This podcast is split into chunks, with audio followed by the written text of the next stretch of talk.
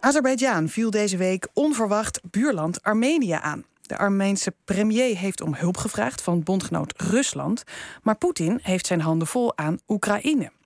Inmiddels geldt er een staakt het vuren, maar voor hoe lang? En wat gaat Rusland doen in dit conflict? Rusland-correspondent Eva Sukier vanuit Moskou, welkom. Dag Sophie. Eva, dit was de grootste aanval sinds 2020, toen het zes weken lang oorlog was uh, rond het betwiste gebied Nagorno-Karabakh. Een paar weken geleden nog zaten beide landen in Brussel voor vredesgesprekken. Waarom viel Azerbeidzjan begin deze week toch Armenië aan?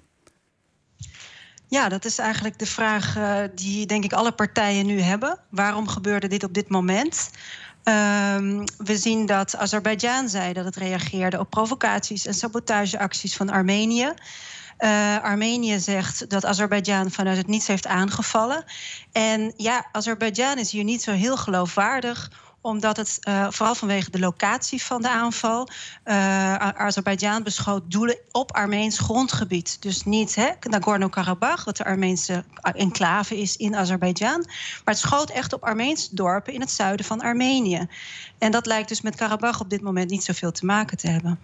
En dan de Armeense kant. De premier van het land, Pashinyan, die meldde dat er inmiddels 105 Armeense militairen zouden zijn gesneuveld. Hij heeft op zijn beurt de CSTO, dat regionale militaire bondgenootschap daar, opgeroepen om het gebied te heroveren. Dat bondgenootschap wordt geleid door Rusland. Wat gaat het Kremlin doen, denk je? Gaan zij Armenië te hulp schieten? Pashinyan heeft inderdaad gisteren de hulp ingeroepen van die CSTO. Dat is het regionale veiligheidsblok. Hè. Een beetje de NAVO van die regio. Die wordt geleid door uh, Rusland. En uh, net als de NAVO heeft ook de CSTO een artikel uh, eh, 4 in dit geval. Die zegt dat landen elkaar te hulp moeten komen in geval van een aanval. Dat heeft Pashinyan gisteren gedaan. Die aanval was al op maandag. En ja, tot nog toe zien we dat de CSTO eigenlijk helemaal niet zoveel haast maakt.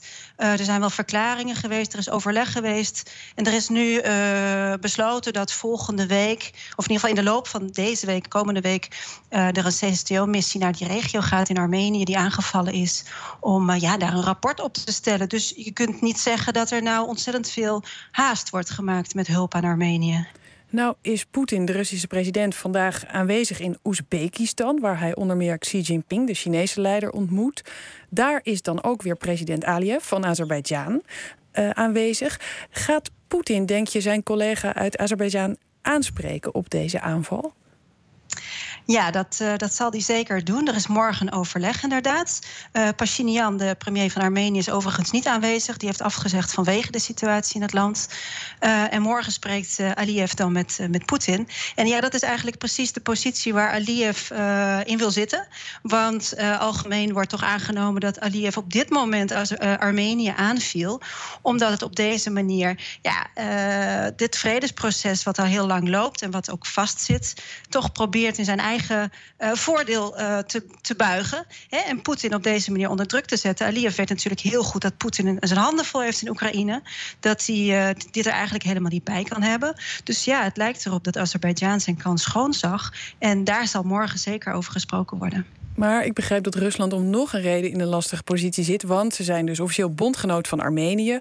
Maar ze leveren ook wapens hè, aan Azerbeidzjan. Ja, klopt. Eigenlijk zijn de banden tussen Rusland en Azerbeidzjan best heel goed. Uh, ook al geldt Rusland traditioneel als de bondgenoot van Armenië. Uh, Rusland is een scheidsrechter in dat gebied, of tenminste, dat wil zo graag gezien worden. Hè. Het is altijd, zoals gezegd wordt, de Russische achtertuin, de voormalige Sovjetregio. Dus Poetin moet laten zien dat hij daar nog steeds de baas is en dat hij die twee vechtersbazen bij elkaar kan brengen. Uh, dat doet hij ook. Maar tegelijkertijd, Poetin heeft nauwe banden met Azerbeidzjan. er zijn veel economische banden. En er worden inderdaad wapens geleverd. Uh, dus ja, Poetin heeft, uh, heeft er eigenlijk helemaal niet zoveel belang bij om nu ja, echt openlijk uh, ruzie te maken met Aliyev. Tegelijkertijd, hij moet Aliyev natuurlijk wel op het matje roepen. Dus het is heel interessant hoe hij dat gaat doen. Ja, Foreign Policy schrijft al: dit conflict laat zien dat Rusland niet de bepalende leider in de regio is die het land graag zou willen zijn. Zie jij dat ook zo? Nou, het is wel een positie die voor Poetin steeds moeilijker wordt, omdat hij uh, ook binnen de CSTO, hè, dat zijn uh, de omringende landen, die kiezen voor een groot deel toch een beetje voor Azerbeidzjan. Armenië staat in zijn eentje. Uh, Rusland als traditioneel bondgenoot van Armenië laat Armenië ook een beetje hangen. Dat gebeurde al in 2020 bij de vorige uh, oorlog. Uh, dus ja, Poetin moet op verschillende uh, schaakborden spelen. En dat moet hij laten zien dat hij dat kan. En aan de zwakke reactie nu van Poetin en van de CSTO laat, ja, laat, ja, laat hij toch zien dat hij dat allemaal niet helemaal onder controle heeft. Laten we tot slot nog even kijken naar Brussel, waar dus recentelijk die vredesgesprekken plaatsvonden tussen Armenië en Azerbeidzjan. Hoe reageren ze daar op, op deze aanval? Ja, in Brussel, uh, net als ook in de VS en in andere, vanuit andere landen, kwamen zeer verontwaardigde geluiden natuurlijk. Uh, het geweld werd veroordeeld. Uh, er zijn toch, lijkt het op, hè, voor niks weer heel veel mensen gesneuveld in, in dat gebied. dus er was een zeer verontwaardigde en bezorgde reactie. Twee weken geleden, zoals je al zei, zijn er nog vredesonderhandelingen gevoerd in Brussel tussen Azerbeidzjan en Armenië. Dus ja, Brussel is hier niet blij. Tegelijkertijd Brussel heeft een beetje de handen gebonden omdat het net een, een grote gastdeal heeft gesloten met Azerbeidzjan.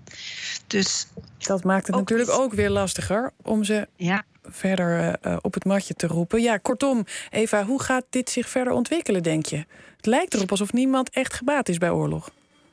Niemand is gebaat bij oorlog. Dit conflict sleept zich al heel lang voort. Uh, er is nu echt een ernstige escalatie geweest. Maar het lijkt er nog niet echt op dat landen bereid zijn om nu alle aandacht te verleggen naar uh, Armenië, Azerbeidzjan. Ik ga ervan uit dat Azerbeidzjan nu even een hardpunt heeft gemaakt. Dat het probeert hier ook dan he, in zijn voordeel dat allemaal uh, te beslissen.